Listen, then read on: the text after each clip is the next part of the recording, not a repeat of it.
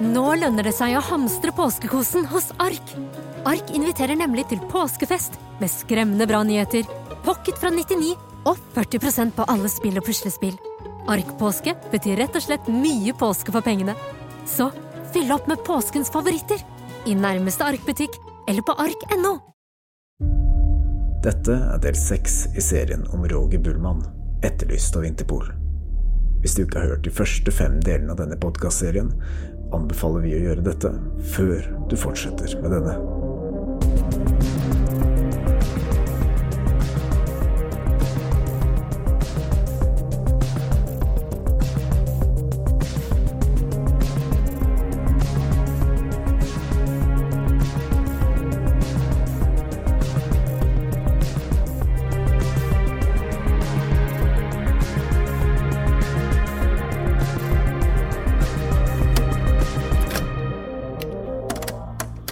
Det, det, er, det er en bløff.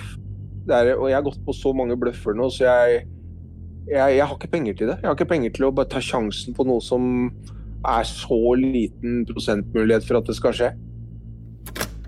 Ja, det begynner jo å bli eh, en god stund siden nå at vi ga ut noe egen podkastepisode om Roger Bullmann, og eh, grunnen til det er jo at vi har jo ikke hatt anledning til å reise ned dit, vi har ikke hatt anledning til å observere og være med på de tingene som har skjedd, men vi har jo snakket en del med han det siste året, og det har jo skjedd en del ting som jeg tenkte vi skulle informere lytterne om nå, da. Allerede i fjor våres så reiste det jo ned en nordmann uh, for å få ham hjem. Og denne fyren var vel nede to ganger, reiste på første klasse på Rogers regning, har jeg skjønt. Uh, skulle ikke fly noe økonomi, han, og kom ned dit med et pass til Roger, som han hadde skaffet. Roger har jo dette passet nå i dag, men problemet der er jo at det er ikke noe stempel. Det er ikke noe stempel inn i landet på dette Nei, passet. Det har vært problem hele tiden, fordi i fjor våres så fikk han et pass uten stempel, da.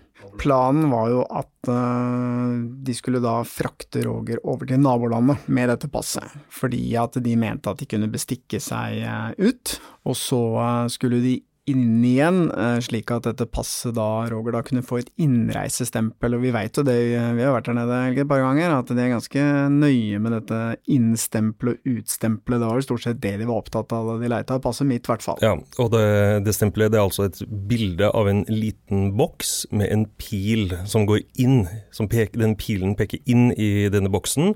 Da, da har du jo bare tillatelse til å være i dette landet så så lenge, og så når du reiser ut igjen, på flyplassen. Da får du et uh, nytt stempel, og da er det bilde av den samme boksen, men da går pilen ut. Det er jo dette um, bildet av denne boksen med pil inn, altså inn i dette landet, som Roger mangler i dette passet som han har fått. Ja, det er korrekt. Og eh, jeg skjønte jo da på Roger at uh, dette her eh, gikk jo ikke akkurat eh, veldig bra, fordi det var veldig mye fram og tilbake, og så fant de plutselig ut, den mannen som var der nede, at det gikk jo ikke, da, og så få Roger inn i nabolandet. De klarte ikke å få bestukket noen på grensa der, da, til å få gjennomført det. Men var det ikke en sak med at det hadde vært en spesiell hendelse? En kar jo. som hadde vært og, og over grensa der ja, de, som, hadde, de, hadde, de, hadde, avslørt korrupsjon i, Ja. i tollenheten der. Det hadde vært eh, ganske mye mediedekning, faktisk, nede i Asia, om at eh, veldig mange av disse landene så var det korrupsjon, og det var noen kriminelle nettverk som hadde benyttet seg veldig av det. Derfor så ble kontrollene på grensen eh, mye strengere, med militært personell til stede osv. Derfor så var det ikke lenger så enkelt å bare betale seg eh, ut og inn, som var planen, da. Eh, Jeg vet at denne fyren som var der nede, han gjorde også noen forsøk eh, opp mot det norske konsulatet. Og han hadde også en medisinsk bakgrunn, så han gjorde også en vurdering av Rogers helsetilstand, og konkluderte vel egentlig med at han burde vært på sykehus. Såpass eh, dårlig var han. Husk på det at eh, han har jo gått kraftig ned i vekt.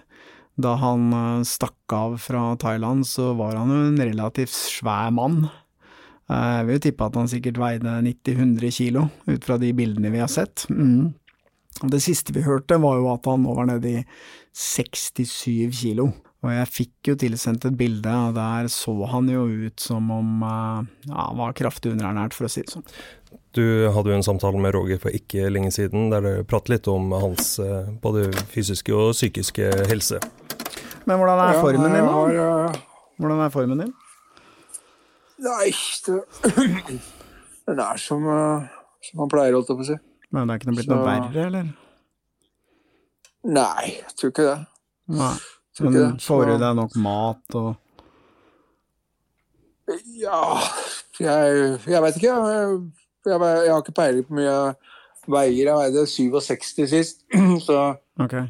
uh, ligger vel rundt der, tenker jeg. Sånn 7, mot 70, kanskje.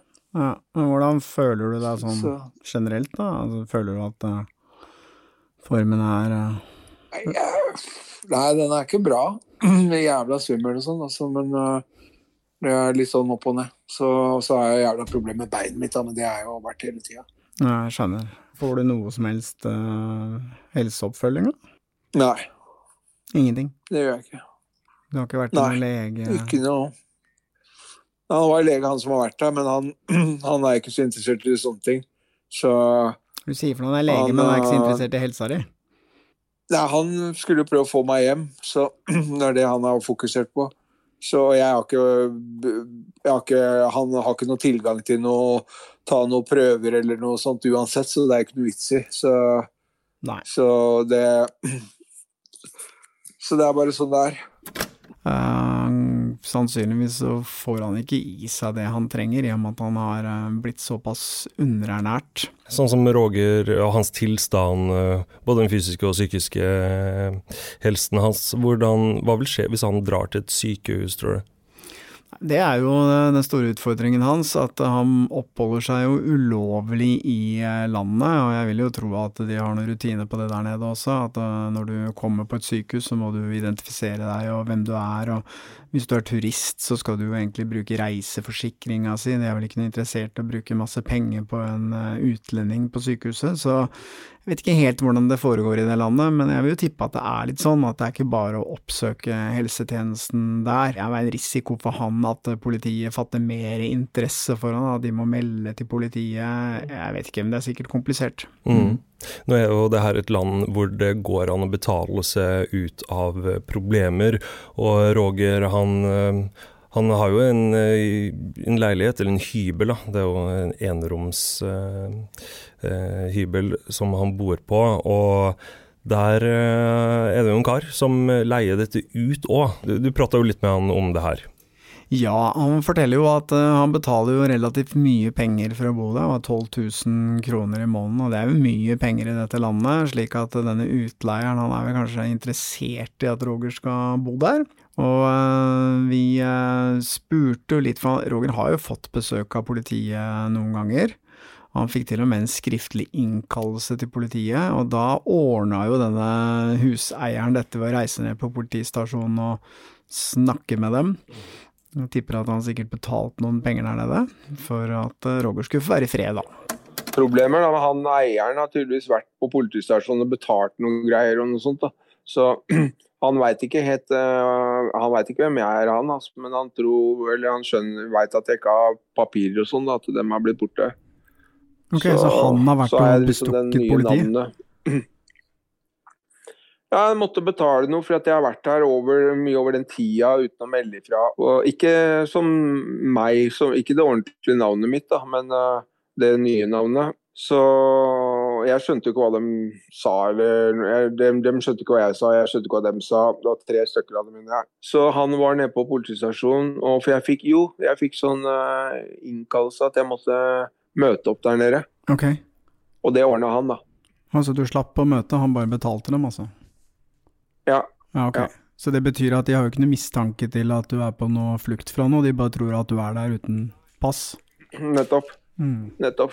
Det som er problemet, er jo Eller eh, naboene, da. Er jo, det er jo Jeg vet ikke hvor mange mennesker som bor her, men det er, det er jo som papirtynne vegger, holdt jeg på sist alle veit jo når jeg, at jeg er hjemme og, og ikke går ut av døra. Sånn, så jeg, jeg veit ikke hva de tror, jeg, men jeg orker ikke å tenke noe mer over det. Men han som du Så- leier fra er liksom litt på laget med deg, da, eller? Ja, han tjener jo veldig bra på dette. Jeg betaler jo 12 000 kroner i måneden for å bo her. Ja, ikke sant. Så det er jo ikke noen turister her nesten i det hele tatt. Nå har det kanskje kommet noen nå, men det har vært helt, eh, helt dødt. Så han ikke, har jo ikke fått leid ut denne leiligheten uansett. Så han er jo veldig glad for 12 000 i måneden. Ja, selvfølgelig. Så han har egentlig bare ordna opp med politi på dine vegne, han da. Jeg regner med det. Eh, han også og jeg er veldig veldig vanskelig å forstå hverandre. Altså. Så, så, han prater litt engelsk, men han forstår tydeligvis ikke hva jeg sier tilbake, eh, har jeg merka. Men, men eh, nei, det er, det er vanskelig. Men hvordan er pengesituasjonen din nå, da? Den er dårlig. Så jeg har levd på de lånte pengene. Ja. 12 000 kroner som for oss, ikke all verden, men eh, i dette landet så er vel det en betydelig sum. Nok til at eh, utleieren kan eh, være fornøyd, og noen nede på politistasjonen muligens. Ja, og så tenker jeg at grunnen til at de ikke er sånn veldig interessert, er at de tror vel bare at han er en fyr som oppholder seg ulovlig i landet. De vet vel ikke at han er etterlyst av Interpol. Og da blir det jo mer en sånn oppholdssak enn eh, at han er en, eh, en etterlyst eh, person, da. Ja, og bare se for deg den lista da, over mennesker i denne her digre byen hvor Roger befinner seg. At ok, greit, det er en kar som bor, er her ulovlig. Hva så? Hva Ja, så? de bryr seg ikke alt annet de har å stri med, det Ja, altså politiet. tjener de sannsynligvis ingen verdens ting, sånn at hvis de får et par tusen kroner i lomma, så er vel det mer enn nok til at de tenker at de gidder ikke gjøre noe med det. Ja, og så har jo heller ikke Roger gjort noe forbrytelse i det landet hvor han oppholder seg nå, så de har jo heller ikke en sånn kjempemotivasjon for å føre han for noen slags eh, eh, dommer, og få en dom på han. Nei, men hvis vi skal tilbake til denne personen som reiste ned to ganger på første klasse og holdt på der nede og gjorde noen forsøk og hadde med dette passet og prøvde seg jo for så vidt på konsulatet uten at det var noen suksess også, han skulle reise til politiet, men jeg vet aldri om han gjorde det, eh, framstår jo nok en gang som et sånn Kosta Roger veldig mye penger uten noe som helst resultat i det hele tatt. Det er jo vært gjennomgangstonen i hele denne historien. X antall personer som har reist ned der, tatt seg godt betalt, uh, brukt mye penger på å reise og fly og sånn, uten at det har ført til at det har endret noen verdens ting for Roger. Ja. Vi har jo selv vært med på eh, at eh, to karer skulle forsøke å få Roger hjem. De hadde jo en, en plan der, men uh, som ble avblåst i eh, sin siste sekund. Nå var jo ikke det noe som kosta Roger eh, noen ting. Det, Nei, det var det ikke. understreke. Men, eh, men alle disse andre som har vært der nede for å hjelpe han, det har jo kostet han, jeg vet ikke, 2,5-3 millioner kroner. Forsto jeg det sånn på han at det ikke hadde gått så bra med men det greiene vi snakka om sist. Du hadde jo en fyr der nede, hadde du ikke det? Jo da, han, han trakk seg, han. Han trakk seg igjen, er ikke det er det tredje gangen, eller? Nei, han, er- han var første gang han trakk seg, hvis hvis du tenkte på, eller tenkte på han ja, legen. jeg trodde det var han legen som var nede en gang til, ja. Ja, legen var her òg. øh, Vi fikk ikke ordna noe på den grenseovergangen. Det gikk ikke. Vi kjørte med noen folk, og de ringte og ordna og, og sånn, og det, de, de sa det, det går ikke. Så prøvde vi å ordne meg gjennom et sånt reisebyrå som han ene og dro hjem til sjefen hans. De, de turte ikke å prøve. Okay. Og så var det en her nede som skulle gi meg passet sitt, Ja. og han trakk seg. Han var her, men han, for jeg fikk ikke passet hans. Det må jo være ekstremt frustrerende for Roger uh, når det kommer sånne tilbud. Og så, uh, nå tror jeg i hvert fall han sitter og tenker at, at det her er jo bare Jeg kommer til å bli lurt igjen. Men, Men likevel så- hva, hva er alternativet? Hvis du sier nei, da skjer det i hvert fall ingenting. Så da ender det jo fort opp med at han bare sier ja, ok da, da, da får jeg bare prøve det, og så koster det nok igjen 400 000, 500 000, ikke sant. Ja, det er jo altså Man klamrer seg jo sikkert til et håp og tenker at denne gangen så øh, skal det skje noe. Altså, det er som du sier, hva er alternativet? Alternativet er at du ikke får noe hjelp i det hele tatt. Så det er klart, det er jo personer der ute som nå skal ikke jeg sitte her og si at ikke det har vært et redelig, hederlig forsøk på faktisk å få til et eller annet. Det veit vi ikke. Det virker jo litt sånn med denne personen i fjor våres, fordi det blei jo gjort en del eh, Han forsøkte jo ganske mye, da. Du, du snakker om han som reiste ned på første klasse? Ja, han på første klasse, ja. Ja, ja. Han var litt opptatt av å fly bra, da. Det er for så vidt greit, men, eh, men jeg kan ikke si at han ikke gjorde noe, fordi ifølge Roger så gjorde han jo noe. Han forsøkte jo. Men eh, det endte jo med ingenting, det også.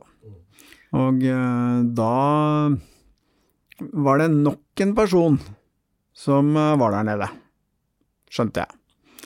En annen person. Kommer det noen og henter meg her, da? sier jeg. I Mm. leiligheten. Nei, det var helt umulig. Men de kunne møte meg et annet sted. For jeg, Poenget var at de, de kunne få noe penger hvis de hvis de kom og henta meg, da, for da skjønte jeg at det var, faktisk var noen. Først så skulle de eh, hente meg på kaia her. eh, I, det er en enorm havn, altså. Hente meg der eh, med en fiskebåt. Kjøre meg to timer ut på havet.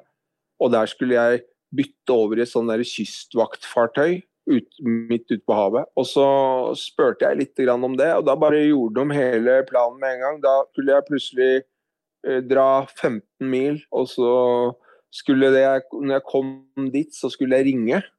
Så, for da skulle de ligge ute i havet der et eller annet sted med politibåt. Og da skulle de komme med politibåt og hente meg eh, når jeg ringte. Visste jeg, jeg visste hva som skulle skje da. Da, det, da hadde jeg dratt dit. Vi måtte betale på forhånd, selvsagt, en god del penger. Eh, og da hadde jeg dratt dit. Og så hadde jeg ringt, og så hadde det ikke skjedd noe. Og så hadde jeg bare fått høre at nei, den ble, dem, det gikk ikke, De ble stoppa av uh, kystvakter, så så de måtte snu, liksom. Det er den historien jeg hadde fått, det veit jeg. Du kommer ikke inn med en politibåt i midttida fra og jeg henter en, eh, en kar på en eh, kai her, det går ikke. Så var det plutselig, så, så, så sa vi det at det blir veldig vanskelig å dra dit uten å vite om det faktisk er noen der når vi kommer. Nei, da var det plutselig en kineser da, som skulle komme og hente meg her. Da skulle han komme og hente meg her med og ordne pass til meg, og så skulle vi dra på fly, og han skulle være med meg på fly. Ikke sant? Ok. Det, det bare Hver gang du stiller et, et spørsmål om hvordan det skal skje, for, øh, så bare kommer han med helt, helt ny, ny øh, plan, tatt ut fra løse lufta. Kanskje du, du tenker bare at det er en scam? Ja, ja, selvfølgelig. Først så skulle, først så skulle betale ca. 20 000 for å komme med båt over, og båt over til det, Og det sa jeg, det var grei pris ikke for å hente, bli kjørt over dit med båt. Og så skulle det bli så og så mye når du kom dit og på pass og alt sånt. da. Og så prøvde de å få Når de skjønte at, det, her, at vi var usikre på om dette her ville gå, så slo de av prisen med hele greia med at eh, du skulle bare betale 30% av hele summen med en gang. Da skulle de ha forskudd av 30% av, eh, av eh, 500 000 ca., som det, andre skulle koste med alt sammen, istedenfor de 20 000 med båten. da. De skulle ha på forhånd, da. Der skjønte jeg at dette er bare tull. Eh, bare halvere summen med, eh, på 1, 2, 3, bare for å få penga inn først. Når, og når de først har fått penga, så, så får ikke jeg, det er ikke noe som skjer. Da kommer det med en eller annen historie om at, eh, at den ble stoppa ute på havet eller noe sånt. Og, og sånne ting. Når, og så hører du på planene at dette er bare noe som kom, dukker opp sånn én, to I begynnelsen så var alt kjempevanskelig, og så plutselig var det masse løsninger. Det er en bløff. Er, og jeg har gått på så mange bløffer nå, så jeg, jeg, jeg har ikke penger til det. Jeg har ikke penger til å bare ta sjansen på noe som er så liten prosentmulighet for at det skal skje. Nå i høst, 2022, altså for eh, type et halvt år siden, så var det noen som kom på banen og fortalte til oss at eh, de hadde en plan for å få Roger hjem. Ja, jeg fikk jo en telefon fra en person som uh, har vært for så vidt litt involvert tidligere, og vært der nede. At de nå uh, hadde en uh, veldig klar via et nettverk i et annet land der nede som mente at de fint kunne hente Roger og uh, frakta han igjennom sikkerhetskontrollen på flyplassen, og at de hadde rett og slett kjøpt en lane. Ja. Altså bestukket en kar som sitter her og skal kontrollere dette stempelet. Ja, de hadde Ja. kontroll på den uh, lanen, som de sa, på denne karen som satt der, og at det var helt ukomplisert uh, å få til det. Og uh, så snakket jeg med Roger om det, og han hadde da fått, uh, fått det tilbudet. Men han var veldig skeptisk, for dette var jo den samme gjengen som han hadde litt dårlige erfaringer med fra tidligere. Husker du han satte seg på en buss i Mm. mange, mange timer og skulle møte en person for å gå om bord i en båt, og så dukket denne personen aldri opp, for da var jo meningen at han skulle fraktes med båt, da. Så han var veldig skeptisk til det, og så sier han til meg at eh, han hadde, det hadde kommet en ny fyr ned dit, som nå drev og jobba, og hadde tatt med seg enda et nytt pass. Fordi her kommer tvisten, skjønner du. Det passet han fikk eh, i fjor våres, altså våren 2022, det passet hadde jo han fyren som hadde gitt fra seg det, fått kalde føtter og meldt det stjålet. Ah, ok. Han hadde meldt det passet stjålet. Ja, ja det er uheldig. Så da kunne jo ikke Roger bruke det passet. Hvis Roger hadde forsøkt å, å komme ut av landet da, med dette passet som var meldt stjålet, hva skjer da? Jeg, vil jo tippe at eh, når du går i passkontrollen da, så, så vil det kanskje bipe opp et eller annet, gå gå en varsel om at det passet er stjålet. Ja, at det eh, ligger liksom inni den I elektroniske datasystemet? Chipen. Ja, det vil jeg tro, altså. Jeg vil jo tro at eh, det finnes eh, Det er vel en grunn til at de eh, drar og leser disse passene elektronisk. Ja, ja, ja. Uten at jeg kan så veldig mye om det. Men, men da hadde det kommet en ny fyr ned dit, og han, Roger sier at han hadde mer troa på han. Så da blei jo ikke det noe av da, med dette nettverket. Han sa nei til det. Nei, så var det jo slik da at uh, Roger bestemte seg jo da for å satse på denne nye fyren som var der nede, og som hadde med seg dette nye passet. Men igjen så kom jo dette problemet opp med dette innreisestempelet, og eh, dessverre så rant også det forsøket ut i sanda. Han klarte ikke å, å løse det problemet, da.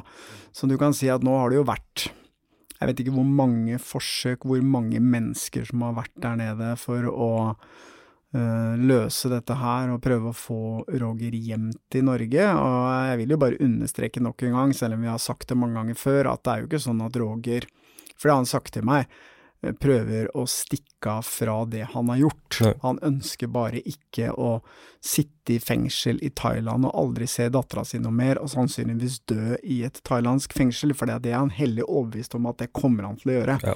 Dette snakka jo du og Roger om i den siste samtalen dere hadde sammen for kort tid siden.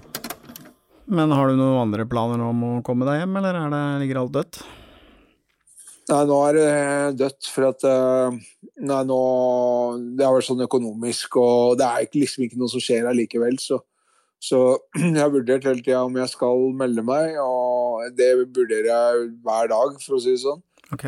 Men eh, det, det Jeg, jeg veit ikke. Det, da mister jeg jo muligheten til å treffe dattera mi igjen noen gang, så Jeg skjønner det. da legger jeg det litt på is, så jeg får se hva som skjer. Mm, Så, jeg forstår. så det er det. Men åssen pengemessig sånn nå, da? Hvordan går det, da?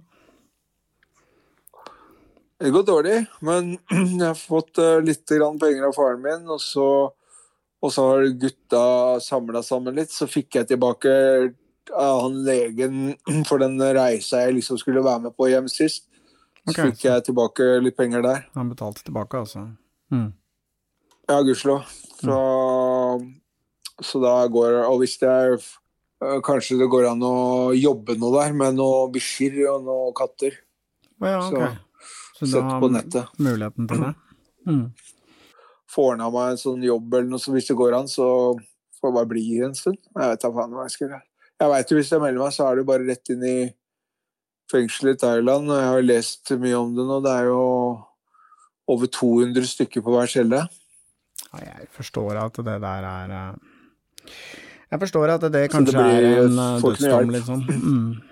Det, det skjønner Det jeg. er det. Det er det det er. skjønner du, Så, så da Men jeg, jeg havner sikkert litt uansett til syvende og sist. Men uh, får heller bare prøve å se så lenge. Få roa ned knotten litt. Jeg forstår jo det at når du sitter her nede nå på hva da, tredje året, fjerde året, hvor lang tid har du gått, så uh, og du har brukt så mye penger, og du har blitt skuffa så mange ganger, og helsa di er dårlig, og på et eller annet tidspunkt så så blir det vel litt sånn at du nesten gir opp, tror du ikke det? Altså, ut ifra den siste samtalen vi hadde med han, så fikk jeg nesten inntrykk av at han tenkte at eh, her må jeg liksom bare være resten av livet, kanskje jeg skal finne meg et eller annet å gjøre.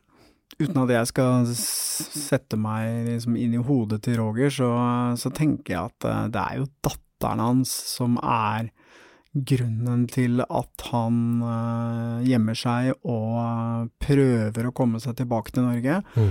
Han vil til Norge, han vil melde seg for norsk politi, han sier han vil ta straffa si.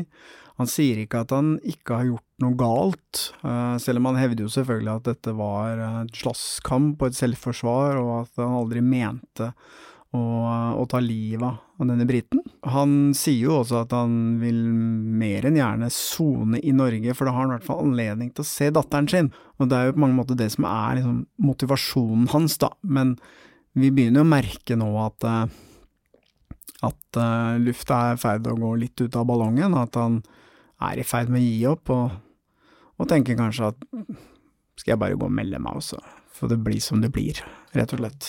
Mm. Men uh, han har jo noe innsikt i hva han har i vente uh, hvis han ender i et thailandsk fengsel. Det har vi jo både hørt og lest om hva som foregår der. Og Roger har jo òg en kompis som satt i thailandsk fengsel for noen år siden. Uh, og etter å ha sittet der i to og et halvt år, så ble han vel bare sendt hjem, for da var han så ødelagt og syk. Uh, At han døde jo. Han døde et halvt år etter han kom hjem til Norge.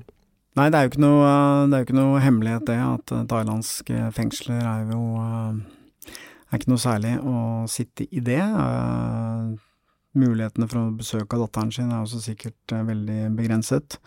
Så han ser vel på det som en sånn da får jeg aldri se henne igjen, da.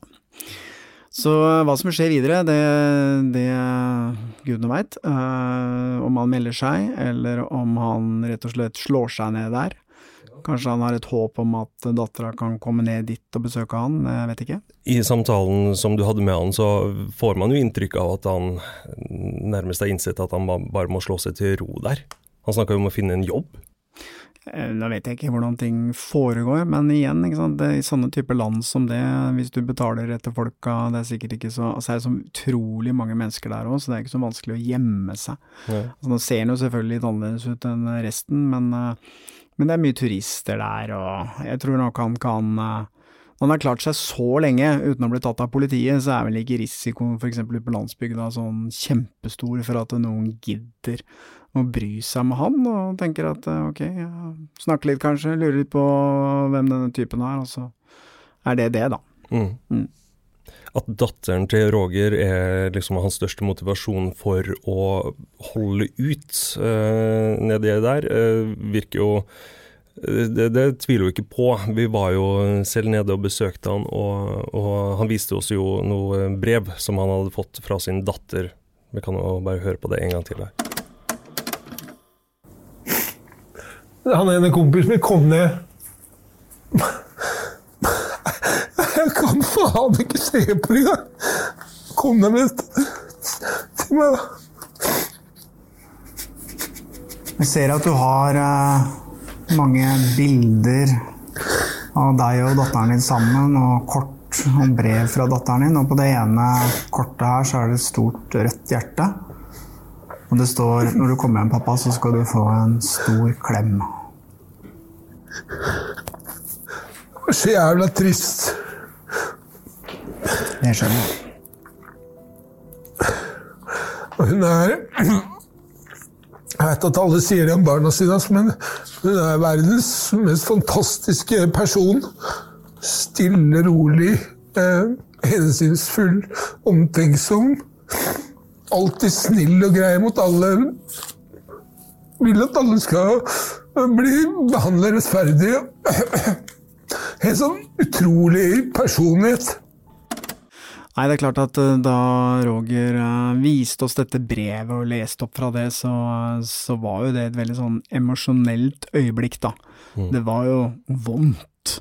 Og igjen, det er jo ingen som unnskylder hva Roger har gjort for noe, det handler jo ikke om det, men det handler jo om et menneske som, som uh, åpenbart er i nød, og, og og veldig fortvila, og ja, jeg må innrømme at det gikk eh, litt inn på meg akkurat det. Altså, jeg syns det var eh, ganske fælt å se på, faktisk. Han var uh, veldig nedbrutt.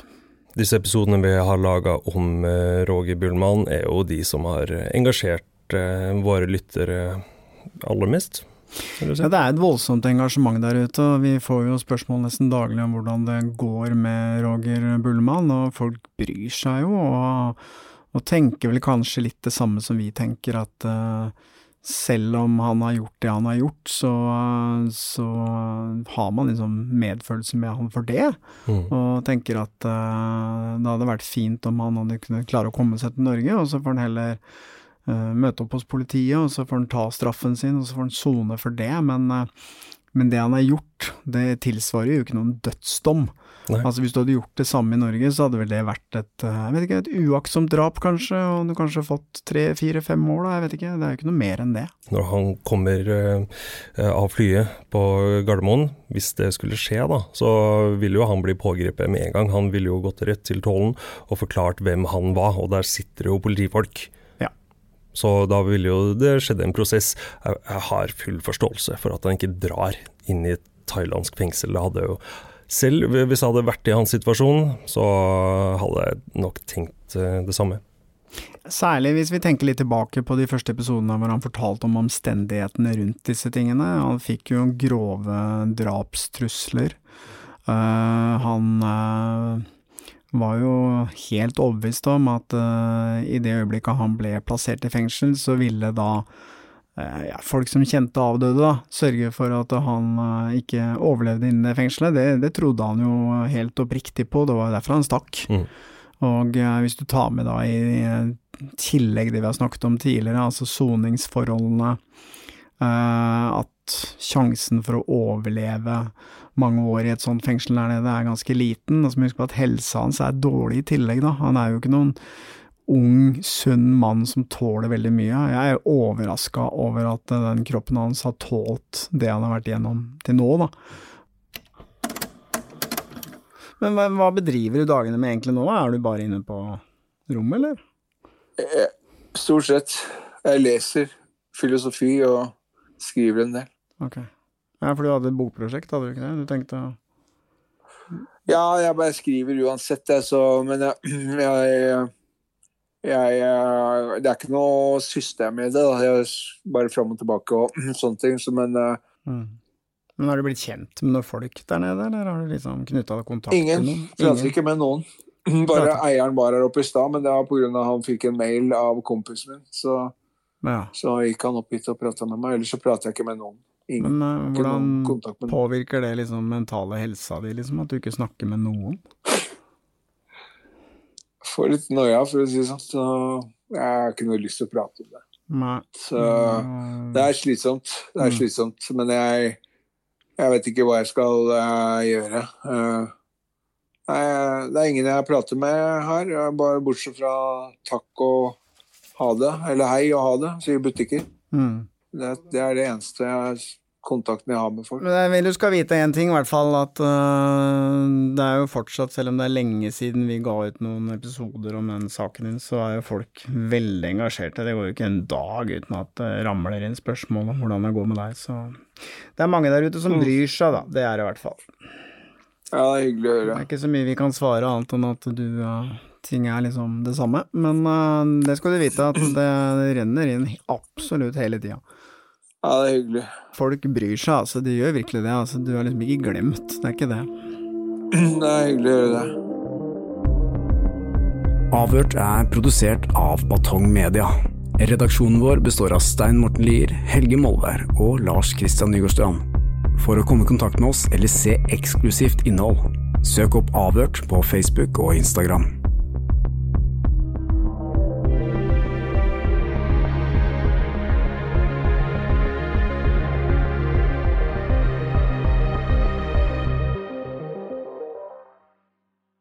Velkommen til Kjemperådet! Ohoi! Vi har fått inn et kjempekleint problem fra Trine Lure 22. Okay. Jeg leser. De to andre i kollektivet mitt har begynt å date, og jeg syns det er veldig kleint når vi skal se på TV sammen, og de bare skal kline. Ok, ja, Hvordan skal hun løse dette? Siden Trine Lure er under 30, får hun jo ubegrenset data fra Telenor fra 399 kroner. Da Da kan hun sette seg på sitt eget rom, streame så mye hun vil på mobilen. Ja, Hun kan jo se på nye mobilabonnement på telenor.no. Ja, det er lurt. Et godt råd fra Apotek 1. Når du skal kose deg i solen, er det viktig med god solbeskyttelse. Hodeplagg og skygge hjelper, men vi trenger også solkrem. Vi har ansiktssolkremer tilpasset ulike hudtyper. Har du f.eks. tørr, fet eller normal og kombinert hud, finner du solkremer spesielt tilpasset deg og ditt behov. Kom innom og få råd på ditt nærmeste Apotek 1, eller chat med oss på apotek1.no. Apotek 1. Vår kunnskap, din trygghet.